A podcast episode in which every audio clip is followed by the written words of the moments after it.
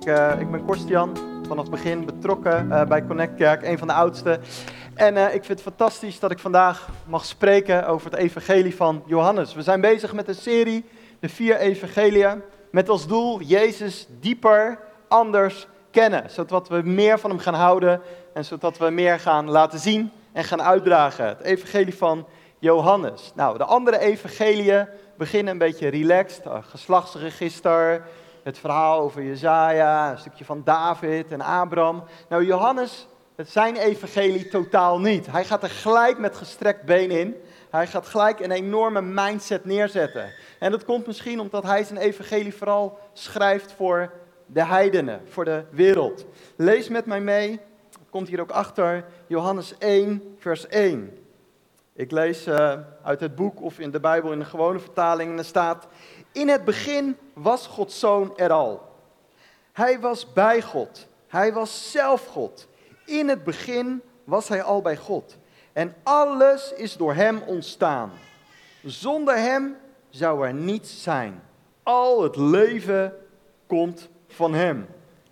Gelijk deze geweldige ja, verklaring van autoriteit en gezag geen rustig aanloopje van even uh, een beetje warm draaien, inkomen, een beetje wennen. Nee, gelijk dat idee. Jezus, al het leven is in hem.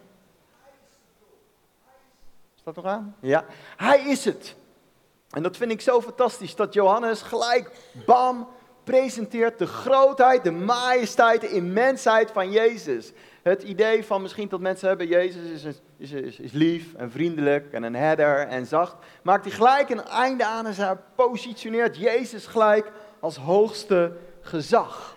En hij doet dat, zoals ik al zei, voor de heidenen. Hoe weten we dat? Nou, we weten dat onder andere omdat hij bepaalde Joodse begrippen en uh, bekende dingen vanuit de Joodse context extra uitlegt, zodat de heidenen het zullen begrijpen. En we weten dat Johannes het heeft geschreven, althans dat weten we niet helemaal zeker. Weet bijvoorbeeld bij de brieven van Paulus, dan is Paulus heel duidelijk van ik ben de auteur, ik schrijf het. Bij Johannes weten we het niet. En er zijn mensen die zeggen het is niet alleen Johannes die die brief heeft geschreven, maar ook zijn leerlingen, zijn vrienden, zijn groep. Het is eigenlijk een samengestelde brief van vrienden van Johannes. En Johannes is anders dan de andere evangeliën. Die andere evangeliën lijken een beetje op elkaar. Zelfde woorden, zelfde structuur, zelfde uh, ja, uh, prioriteiten van verhalen die ze belangrijk vinden. En Johannes wordt het vierde evangelie genoemd, het buitenbeentje. Hij begint anders, doet anders en legt andere accenten. En Johannes legt ook bepaalde woorden neer die in andere evangeliën, evangeliën niet of nauwelijks aan orde komen. En een van die woorden is wedergeboorte.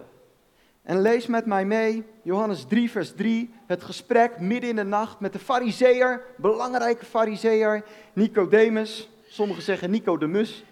En er staat, Johannes 3, vers 3, Jezus antwoordde, luister goed, wie niet opnieuw geboren wordt, kan het koninkrijk van God niet ontdekken. Nou, ik denk dat de meesten van ons, zoals we hier zitten of thuis kijken, opgegroeid zijn in een christelijk gezin. En dan groei je zo langzaam mee met al die kinderverhaaltjes en met geloof en groeien. En uiteindelijk maak je je keuzes om zelf met God te wandelen. Maar hier maakt Johannes een statement van heel duidelijk van mensen die ooit, zoals wij dat dan noemen, in de wereld waren, die opnieuw geboren worden. En wie van jullie kan, is zeg maar christelijk opgevoed en heeft vanuit christelijk geloof het meegekregen en heeft ooit zelf een keuze gemaakt. Steek even je hand op. Dus ik denk dat het merendeel heeft het van zijn ouders van meegekregen. Maar wie komt echt als radicaal vanuit de heidenen, onbekend, je ouders die geloofden heel iets anders en tot geloof? Hebben we een aantal daarvan? Yes, fantastisch, fantastisch. Heel mooi. Het is denk ik in, de, Connect iets van 90% 10. En we willen natuurlijk in de toekomst dat het een beetje 50-50 is. Natuurlijk zijn de mensen vanuit christelijke opvoeding fantastisch welkom. Maar we zoeken en we verlangen naar mensen die Jezus helemaal nog niet van kinds af aan kennen. Dat ze hem leren kennen. En daar spreekt Johannes over. Van wedergeboorte. Totaal anders. En een aantal jaren geleden werkte ik in de verslavingszorg en ik was mentor van een aantal van die gasten. En een van die gasten, ik noem hem Piet, Zo heet hij niet, maar is AVG technisch netjes dan afgetimmerd. En ehm, die jongen was eigenlijk nog maar 25 jaar, maar was echt een groot crimineel. Hij had al op jonge leeftijd, toen hij 16, 17, 18 was, had hij een netwerkje van kleine drugscrimineeltjes die inbraken deden, een tankstation overvallen. En, en hij chanteerde de boel, hij maakte filmpjes en andere dingen en die gebruikte die om echt een netwerkje te controleren. En, uh, hij, ja, en als je niet naar hem luisterde, ook al was hij jong, hij sloeg je gewoon knetterhard in elkaar. En uh, uiteindelijk in contact gekomen met justitie in de gevangenis. En toen kwam hij in de verslavingszorg en, uh, en iedereen wist van ja, hij, moet hier eventjes zijn, reclassering, afspraken, maar hij wil hier helemaal niet zijn. En wij waren best wel een radicaal christelijk verslavingskliniek. En uh, hij wist van helemaal niks. Hij snapte en begreep het helemaal niks. En hij was echt geïnteresseerd. Stelde allemaal vragen, had ik niet verwacht. Je hebt natuurlijk zo'n bijbeltekst, de velden zijn wit om te oosten. Maar ik dacht, hij valt er buiten. En ik dacht van, speelt hij dit nou? Doet hij dat nou alsof? Wil hij gewoon extra zakgeld en verlof? Of is het echt? En steeds meer was hij geïnteresseerd en vragen en dingen. En op een gegeven moment, na een aantal weken, had hij zoiets, ik wil gedoopt worden. En ik denk van, hij doet dat gewoon een beetje voor de groepsdruk. Andere dingen deden, de andere jongens deden dat om erbij te horen. Misschien had hij zoiets, de, de bediening, de kerk verwacht dat een beetje. Maar dus ik, ja, een beetje gek misschien, maar ik was wel sceptisch. Eigenlijk moedig ik altijd mensen aan om, te, om zich te, te laten dopen. Maar ik zei, weet je het wel zeker? En waarom dan? Wat is dan je reden? Nee, ik heb echt een gevoel, ja, gevoel, maar nee, ik wil anders, ik wil een nieuw leven, dit en dat. Uiteindelijk, hij liet zich uh, dopen. En uh, de volgende dag, ik, ik vroeg aan hem van, joh, hoe was het nou? En hij zei, joh, ik voel me weer als een onschuldig jochie. Wat, wat gebeurde daar? Ik voel me weer als een onschuldig jochie. Ik zeg, wat bedoel je? Hij zegt, nou, toen ik een jaar of zes, zeven was, hij zegt, was ik best wel lief en aardig en eigenlijk verlegen. En was ik het onschuldige jochie in de klas. Ik was best wel goed eigenlijk. En langzaam ben ik harder en, en, en gemener en egoïstischer geworden. En opeens, alsof ze me in dat bad in een soort tijdmachine hebben gestopt, ben ik weer, weer dat onschuldige jochie geworden. En weet je, eigenlijk wil ik een nieuwe naam. Want mijn naam, ja, die past niet meer bij mij. Ik wil eigenlijk een nieuwe naam. Want die naam, zijn echte naam, dat, dat hoort bij dat oude leven. En nu, ik wil eigenlijk een nieuwe naam. En denk ik van, dat is het effect van wedergeboorte. En toen zei ik tegen hem, sorry dat ik een beetje sceptisch was. En ik denk van, het onschuldige jochie, die is weer terug. Rein, puur. En dat is het hart van Johannes, dat hij zegt van, uh, Jezus is gekomen, waarom? Om te redden. En de meest bekende bijbeltekst die we kennen is Johannes 3, vers 16. Want God de Vader had de wereld zo lief. Heel de wereld. Heel de wereld had hij lief. Heel de wereld dat hij zijn enige geboren zoon, zijn liefste, het meest kostbare, het meest heiligste wat hij had, heeft hij geschonken. Opdat een ieder die in hem gelooft niet verloren gaat, maar eeuwig leven heeft. God heeft zijn zoon niet naar de wereld gestuurd om een oordeel over haar te vellen, maar om de wereld door haar te redden. Hier hoor je eigenlijk het hart van de vader. Dat de vader zijn, zijn kostbaarste bezit gaf hij om op te offeren. Waarom? Zodat mensen met Jezus zouden leven en veranderd zouden worden naar het beeld van Jezus. En dat zien we in Johannes terug. Johannes, daarmee leren we het hart van de Vader kennen. En ik heb heel veel Bijbelteksten en ik heb er heel veel uh, moeten skippen vanwege de tijd. En echt een groot compliment voor, uh, voor Nathan, die ze vanochtend om acht uur al allemaal erin heeft gezet. En we gaan kijken naar een heel veel Bijbelteksten over hoe Jezus met de Vader wandelde. Fantastisch. Ik weet niet of die erop komt, maar. Yes. Wij hebben gezien hoe groot en machtig Hij is. De enige zoon van de Hemelse Vader. Geen mens heeft ooit God gezien, maar zijn enige zoon, Jezus Christus, die één is met Hem, heeft ons laten zien wie God is. En de vader houdt van zijn zoon en heeft hem alles gegeven. Wat een stellige overtuiging, hè? En dan, het gaat er niet om waar wij de vader aanbidden, maar hoe wij hem aanbidden. Welke hartsgesteldheid. Dan Johannes 5, een aantal teksten. Mijn vader werkt voortdurend en ik, Jezus, dus ook. De zoon kan niets uit zichzelf. Hij doet alleen wat zijn vader hem voordoet. En in feite doet de zoon hetzelfde als zijn vader. En de vader houdt van de zoon en laat hem steeds zien wat hij doet. En de Vader zal hem nog grotere dingen laten doen. U zult uw ogen nauwelijks kunnen geloven. Zoals de Vader de doden levend maakt, zo zal ook de Zoon levend maken wie hij wil. En de Vader spreekt geen oordeel uit, maar heeft zijn, zijn Zoon opgedragen in zijn plaats recht te spreken. Even tot hier. Wat je hier ziet is heel veel relatie, heel veel verbinding. Het christelijk geloof is niet zozeer alleen maar wetten of alleen maar principes of regels van 1 plus 1 is 2. Als je dit doet, krijg je dat. Nee, Johannes laat zien, het is relatie, het is verbinding, het is contact.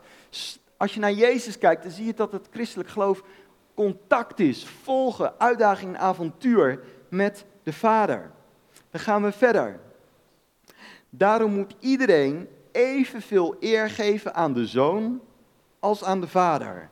Want wie de zoon niet eert, eert ook de vader niet, die hem gestuurd heeft.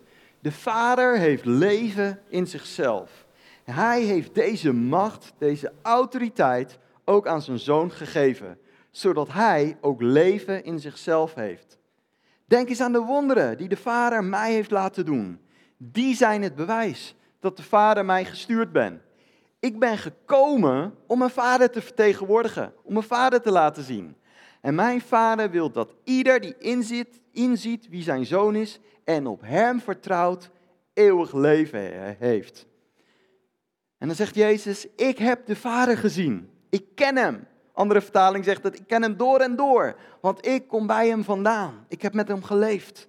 En ik leef door de kracht van de Vader. Ik vertel aan jullie wat ik heb gezien bij de Vader. Waarom? Ik eer mijn Vader en mijn Vader verheerlijkt mij. En de Vader houdt van mij, opdat ik hem leven geef. Omdat ik mijn leven geef. En de wonderen die ik in de naam van mijn Vader doe, zijn het overtuigende bewijs dat ik de Christus ben. De Vader en ik zijn één. Vader, uw naam krijgt alle eer. En dit is zo mooi. Het gaat om die intimiteit, die relatie, die verbondenheid met de Vader. En een aantal jaar geleden, toen had ik even een, een, een moment, dat hebben jullie misschien nooit, maar dat ik in mijn, in mijn geestelijke spiegel keek en dat ik zei, ik ben een beetje lauw aan het worden, een beetje slappe hap. En dat wil ik niet. Ik wil vurig, gepassioneerd, toegewijd zijn. En ik, ik was van bidden, Heer, wat moet ik doen? Een periode van vasten, naar een conferentie. Moet ik me ergens van bekeren? Wat moet ik doen? Wat, ik wil terug naar die eerste liefde. Ik wil niet verzaken, geen compromissen, die eerste liefde. En ik had het idee dat God zei van verdiep je in de relatie tussen de vader en de zoon. En toen ben ik al die bijbelteksten gaan bestuderen, gaan lezen. En dat, dat helpt je zo. Je hart begint zo in vuur en vlam te staan als je ziet van die liefde tussen de vader en de zoon. Dat we daar eigenlijk bij mogen horen. Dat we in die liefdesrelatie mogen horen. En wat, wat, wat zo bijzonder is ook aan het evangelie van Johannes, is dat hij weinig vertelt over de wonderen. We hebben geleerd, hè, een paar weken geleden, bij Marcus struikel je er bijna om. Wonder, teken, verhaal, getuigenis, nog een wonder. Bij Johannes veel minder. Johannes vertelt er een aantal, stuk of zes, zeven. Maar hij vertelt vooral over de uitspraken van Jezus. En ik heb er een aantal opgeschreven. Wat Jezus heeft gezegd over zichzelf. En dat is best wel stellig, is best wel superieur bijna en overtuigend. Jezus zegt, ik ben het brood van het leven. Ik ben het licht van de wereld. Ik ben de deur van de schapen. Ik ben de goede herder. Ik ben de opstanding en het leven. Ik ben de weg, de waarheid en het leven. En ik ben de ware wijnstok. Dat is best overtuigend, best stellig. En misschien hebben we daar als Nederlanders last van. Dat iemand zo over zichzelf praat. Doe maar een beetje wat minder, doe maar rustig. We zijn allemaal een beetje de ware wijnstok. We zijn allemaal een beetje licht. We zijn allemaal een beetje de weg. We zijn allemaal een beetje waarheid. We zijn allemaal een beetje het leven. En Jezus zegt, nee, ik ben het. Ik ben het. Hij zet zich helemaal boven de rest. Ongeëvenaard. Boven wat dan ook. Niet gelijk. Nee, boven al, iedereen en alles. En ik denk, dat vind ik zo aantrekkelijk van Jezus. Ging zich niet aanpassen, niet politiek correct. Nee, stellig, duidelijk overtuigd van wie hij was. Geen last van onzekerheid of minderwaardigheid gevoelens, gewoon bam. Dit is wie ik ben. Ik ben de ware wijnstok. En sommige mensen die ergerden zich, hadden aanstoten. Zeiden die man, arrogant, wie denkt hij wel? Terwijl anderen zeiden, ik geloof het. En voelden zich tot hem aangetrokken. En ik denk als christen is het zo belangrijk om te weten wie je bent. Om je autoriteit te kennen. En natuurlijk hebben wij als christenen onze algemene identiteit. Zonen en dochters van God, geliefde, familie, huisgenoten van Hem. We zijn erfgenamen. We zijn deelgenoot van het eeuwige leven. Dus we hebben onze unieke, we hebben onze gezamenlijke identiteit in Christus. Maar ik geloof ook zoiets, behalve onze identiteit in Christus, wat super mooi, kostbaar en heilig is om te ontdekken, heb je ook een unieke identiteit. En vaak denken we dan wat we doen. Dan zeg je bijvoorbeeld met een voorstelrondje, wie ben je? En dan gaat iemand vertellen wat hij doet. Ik ben ICT'er, ik ben leraar, ik ben directeur, ik ben dit, ik ben dat. Maar ik denk, het is, een, is er nog een andere geestelijke dimensie die God jou heeft gegeven. En dan gaat het niet over de functie of de rol die je in, in de kerk of in de maatschappij doet, maar een diepje, uh, diepje, laagje dieper. Bijvoorbeeld, misschien heeft God jou geroepen om echt een bemoediger te zijn. Maakt niet uit of je in, bij je familie bent, bij je vrienden, in je werk of de kerk. Je bent een bemoediger. Misschien ben je een verbeteraar. Dat God je heeft gemaakt, geroepen om gewoon dingen te verbeteren. Ah, dit kan scherper, dit kan duidelijker, dit kan verbeteren, verbeteren. Misschien ben je echt een verbinder. Dat je mensen, groepen aan elkaar van verbinden. Misschien ben je een praktische helper. Misschien een trooster. Superbelangrijk. Of een adviseur. Gewoon iemand met wijsheid, met ervaring, die andere mensen verder kan helpen. Misschien heeft God je geroepen als een pionier. Nieuwe gebieden, nieuwe levensterreinen, een pionier. Mag jij vooruit gaan en kunnen andere Jij houdt als het ware de deur open en andere mensen kunnen jou volgen. Misschien ben je gewoon een geloofsopbouwer. Heeft God je dat gegeven om geloof, vertrouwen in God te bevestigen? Misschien een beïnvloeder. Ik heb een goede vriend en hij is eigenlijk heel stil. Maar hij heeft zo, en als hij wat zegt, man, ik kan een half jaar vooruit. Echt een beïnvloeder. Heeft heel veel invloed op mijn leven. Terwijl dat niet zou zeggen. Een luisteraar. Onderschat het niet. Een verzorger. Misschien een, een bouwer. Gewoon echt een bouwer. Dat God je daarvoor geroepen heeft. Een visionair. Misschien een genieter. Ik, ik, ik, ik, ik ben niet zo goed heel erg in genieten. En ik heb uh, een vriend, dat is echt een supergenieter. Die geniet van alles. dan hebben we gewoon een glas water. En ik denk, ja, dat is gewoon een glas water. Hij zegt, wauw man, lekker water man. Tof. Oh, ik ben dankbaar. En ik leer gewoon van hem om te genieten. En ik merk gewoon in zijn omgeving, ook al zijn mensen even niet zo blij of gelukkig door hem, hij geniet van het geschenk van het leven. Misschien een aanjager, een geruststeller, een inzichtgever, een dienaar. Wat is de unieke identiteit die jij hebt gegeven? Jij mag misschien niet zeggen, ik ben de ware wijnstok, maar misschien mag je wel zeggen van, ik ben een verzorger, ik ben een praktische dienaar, ik ben een genieter. Die unieke identiteit. En praat er eens over met je connectgroep. Soms heb je zelf niet door wie je echt bent. En kunnen andere mensen je helpen en bevestigen. En ik denk dat Johannes daarin ons op koers zet van ontdek wie Jezus is, maar ook wie jij met hem mag zijn. In de taak die jij hebt in de maatschappij. En ik wil afsluiten, en meestal duurt het nog een kwartier bij mij, dus sorry. Maar met twee verhalen. Dat is zelfkennis, hè? Dat noemen ze de, de, de, de zalving van Farao. Die zei ook, ik laat het volk gaan en dan mochten ze nog een paar jaar blijven. Dus, uh, maar goed. Twee verhalen. Eén verhaal is het verhaal, um, wat eigenlijk best wel opvallend is, dat hij in Johannes staat. En dat is het verhaal van, van de opwekking van Lazarus. Lazarus was een vriend van Jezus. En toch wordt hij geconfronteerd met lijden. En de, de zussen en familieleden van, van Lazarus zeggen: Jezus, er is een groot probleem. Het is lastig, het is moeilijk, we komen er niet uit. Kom helpen. En dan zou je verwachten dat Jezus op stijl en sprong zegt: Lazarus is mijn vriend, hij is een christen, hij hoort bij mij, ik ga helpen. Maar hij blijft even zitten. Zo vervelend. Zo vervelend. Dat hij niet gelijk in één keer doet. Heb voor gebeden, je hebt het gevraagd.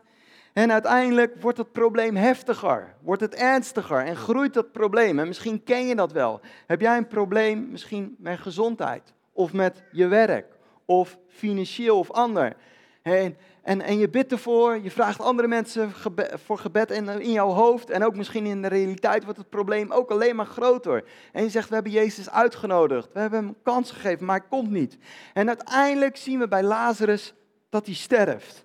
En dan, veel te laat, komt Jezus in beweging. Komt Jezus. En dan komt Jezus bij die familie en dan, wat krijgt Jezus? Je bent te laat. Je, waarom niet eerder? Snap je het nou niet? Je had eerder moeten ingrijpen. En dat, zo kijken we misschien soms ook naar, naar situaties in ons leven. Dat we zeggen van nou, ik had wel geloof in het begin, maar nu is het probleem zo groot geworden, ik heb er geen geloof meer voor. Ja, een paar jaar geleden misschien nog wel, maar nu is het kwijt. En dan zegt Jezus tegen de mensen die hem kenden het volgende. En dat is best wel heftig. Johannes 11, vers 41. Dan zegt Jezus tegen mensen die hem al kenden: Ik heb toch gezegd, als je op mij vertrouwt, de macht en de grootheid van God zul je zien. En zij haalden de steen weg, want Lazarus lag daar al begraven. Er was gewoon lijklucht. En Jezus keek omhoog. En hij zei: Vader, dank u wel dat u mijn gebed altijd voort. Iedereen kritisch, iedereen aan het zeiken, iedereen aan het mopperen, aan het klagen. En lijklucht, je vriend is begraven. Vader, dank u wel dat u mij altijd verhoort. Wauw, dat is overtuiging, dat is duidelijkheid. Dan, dan, dan leef je vanuit een andere dimensie. Ik weet dat u altijd mij hoort. Maar ik wil graag dat de mensen hier zullen geloven dat u mij gestuurd heeft. Daarom zeg ik dit. En nadat hij tegen zijn vader het had gezegd, riep Jezus met een krachtige stem: Lazarus, kom naar buiten. En de gestorven man kwam uit het graf. Dit is Jezus eigenlijk als een soort, met alle respect, als een soort bulldozer. Even niet ingaan op alle pastorale hulp, vragen en theologische discussie. Gefocust, doelgericht. Hij heeft een, een, een, een geloof, een vertrouwen. Dit probleem gaan we oplossen. Dit probleem gaan we aan de kant schuiven. Deze voor ons onmogelijkheid, daar ga ik een draai aan geven. En dat vind ik zo mooi van Jezus. Dat hij dingen kan doen die niemand anders kan. Dat hij wonderbaar is. En daarmee laat hij zien dat hij Heer is, dat hij de hoogste autoriteit is, het hoogste gezag. En wat je ook ziet in deze context is dat Jezus eigenlijk um, best wel een scherp randje heeft, best wel ongenuanceerd, best wel zwart-wit. Ik ben zelf hulpverlener en ik hoor een beetje tactvol en invoelend en empathisch te zijn en signalen op te merken. Lukt ook niet altijd, maar ik doe mijn best. Maar Jezus die doet dat helemaal niet. Die bam, aan de kant. Ik ga erop af. En weet je wat ik heb gemerkt? Dat wij als kerk, en dan ben ik zelf onderdeel van, een kerk in Nederland, soms moeite hebben met de bulldozers, met de krachtige bediening. Met mensen die scherpe randjes hebben. Die af en toe zegt van uh, klits, klats, klaar. En, een aantal jaar geleden ergerde ik en frustreerde ik me aan die bedieningen. Ik vind het leuk om veel preken te horen en boeken te lezen en naar conferenties te gaan. En op een gegeven moment ging ik mij beter voelen dan die, dan die christelijke bulldozers. Ik denk, wat, wat, wat, wat een krachtpatsers. En ik zag dat mensen tot geloof kwamen. Er waren wonderen, waren tekenen, waren bevrijdingen. Soms hadden mensen 10, 20 jaar last van van alles en nog wat. En in die bediening kwamen ze vrij, maar ze deden het niet zoals het hoort, volgens mij. En op een gegeven moment merkte ik dat, dat, het, dat het bovennatuurlijke uit mijn leven ging. En ik dacht, waar is het profetische en bovennatuurlijke in mijn leven? Elke christen is geroepen om het profetische, het bovennatuurlijke te laten stromen. Waar is het? En God zei, ja, maar je bent kritisch op die scherpe randjes wil je ze weer uh, uh, accepteren en waarderen. Ook al zijn ze iets anders dan jou. En ik geloof dat als we opwekking willen zien, als we een verandering in Nederland willen zien, als we een doorbraak van het bovennatuurlijke willen zien, dan mogen we deze bedieningen waar wij misschien van zeggen, oeh, af en toe ongenuanceerd, oeh, af en toe even een beetje vliegen door de bocht. Maar je ziet dat hun intenties goed is en dat ze Jezus willen eren, het koninkrijk willen bouwen, dan mogen we deze uh, bedieningen waarderen. En ik denk, als je kijkt naar dit stuk van Jezus, dat helpt mij zo om te zeggen, ja, soms is e- Jezus even ruwer en scherper en bulldozerachtiger dan ik denk. Maar uiteindelijk gebeurt er iets fantastisch. Jezus gezaghebbend. Tweede verhaal van Jezus, wat ik zo mooi vind, is bijna tegenovergestelde. En dat is de voetwassing, Johannes 13. En, en, en voetwassing, weet het waarschijnlijk wel, in die tijd was het minste van het minste. Dat deed je niet. Zeker niet als je een rabbi was of een leraar. Je ging niet zo'n vieze, gore, stoffige voeten wassen. Dat deed je niet. Jezus deed het wel. Het minste van het minste van het minste. Stel je voor, tot een paar jaar geleden, coronatijd, eerste golf, een ziekenhuis, Willem-Alexander en Maxima, die komen eraan. Iedereen is druk bezig natuurlijk. En uh, personeel loopt tot uh, op zijn tandvlees en tot hier. Het dat Willem, Alexander en Maxima, die doen, een man, uh, die doen een mantel af en een colbertje uit. En die zeggen, joh, wij gaan meehelpen. Wij gaan een week lang de wc's schrobben. Weet je, meehelpen, handen uit de mouwen, dat ga ik doen. En, en ik ben toevallig ook in het ziekenhuis. Ik zie in de gang, op een wc zie ik Willem-Alexander de wc borstelen en schrobben en Maxima erbij poetsen. Nou, ik denk dat CNN en BBC, die zouden het uitzenden. Is toch absurd? Sommige mensen zouden het fantastisch vinden, anderen zeggen, hij weet niet dat hij een koning is. Hij doet niet naar de maatstaf, hij is gek geworden.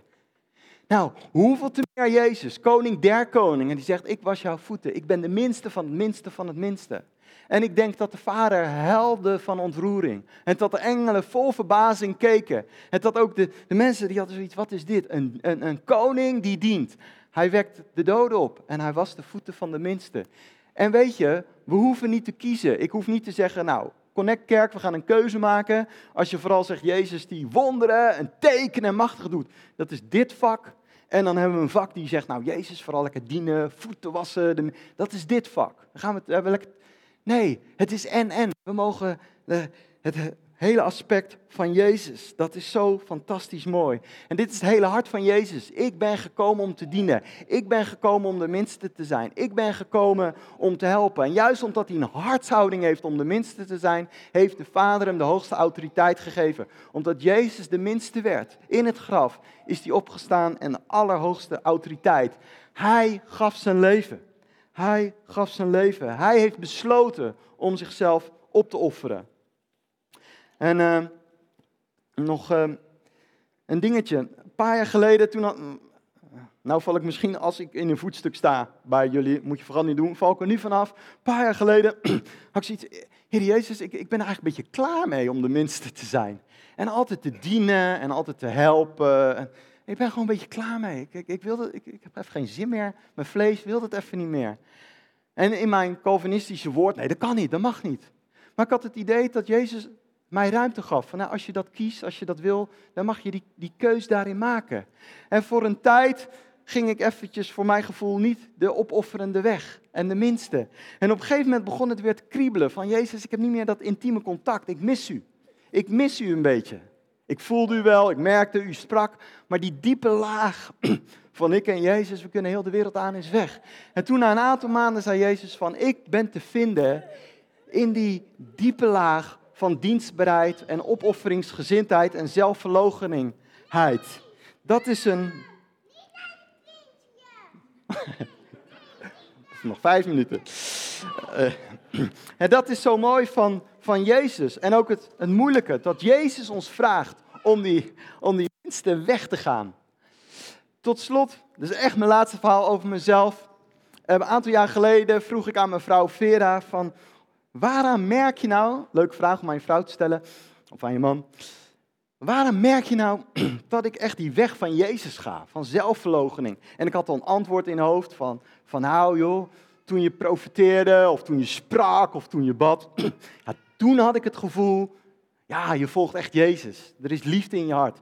Het is Vera, ja, dat moment met de buurman en die stijger. Toen dacht ik, jij wil echt graag een getuige zijn van Jezus. En ik zal het uitleggen, ik ben super onhandig. Sommige mensen hebben twee linkerhanden. Nou, mijn vrouw zegt terecht, ik heb helemaal geen handen.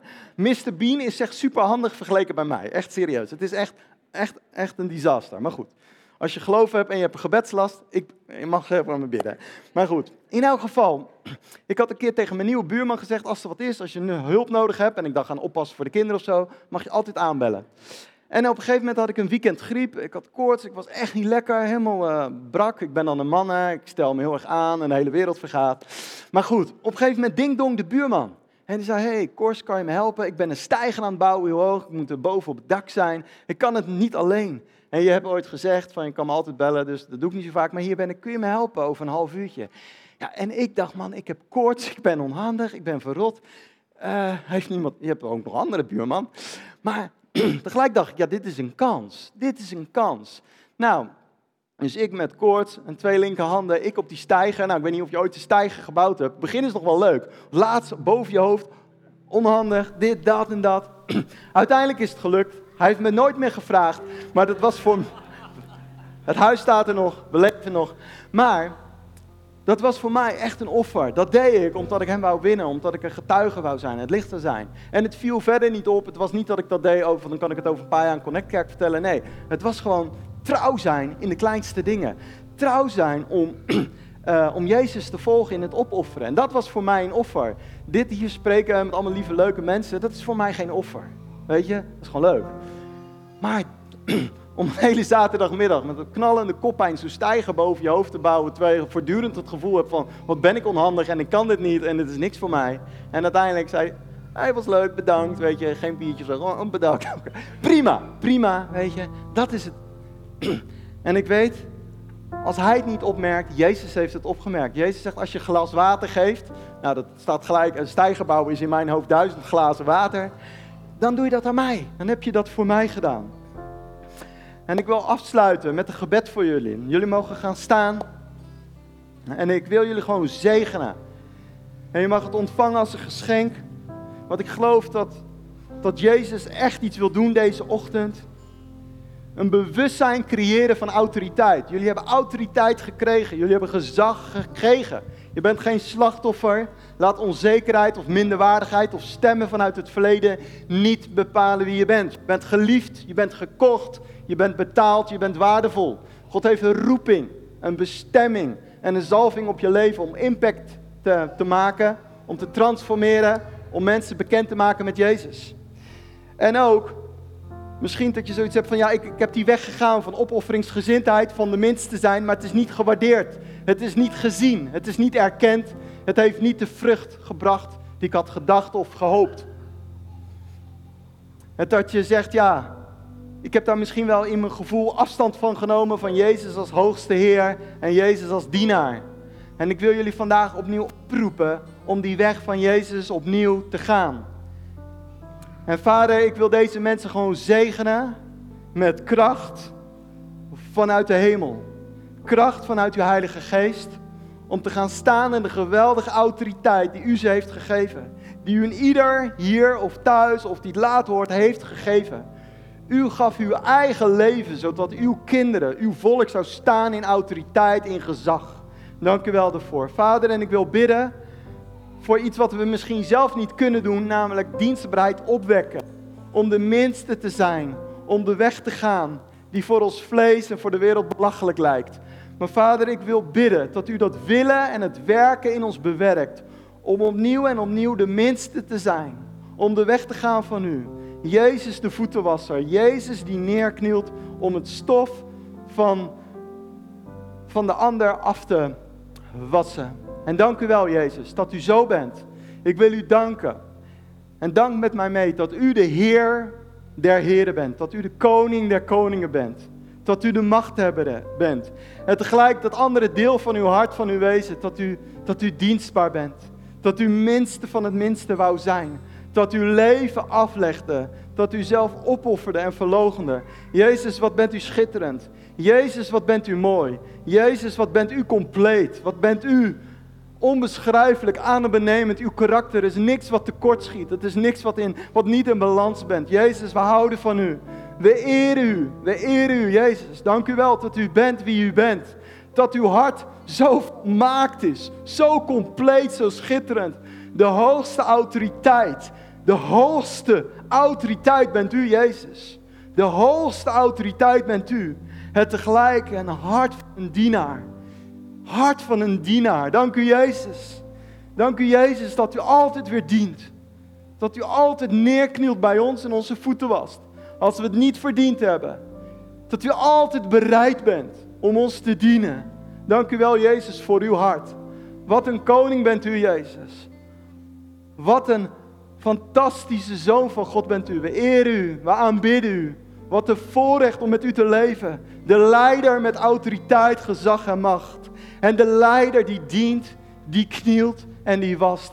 Jezus, u kan niet mooier zijn dan dat u bent.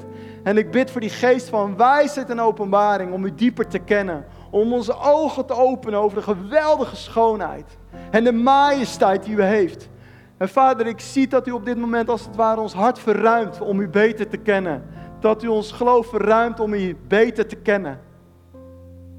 Jezus, u verlangt om uzelf te openbaren. U verlangt om uzelf te laten zien. Ja, ik ben nog steeds de hoogste autoriteit. En dank u wel daarvoor. Dank u wel. Dank u wel. Amen.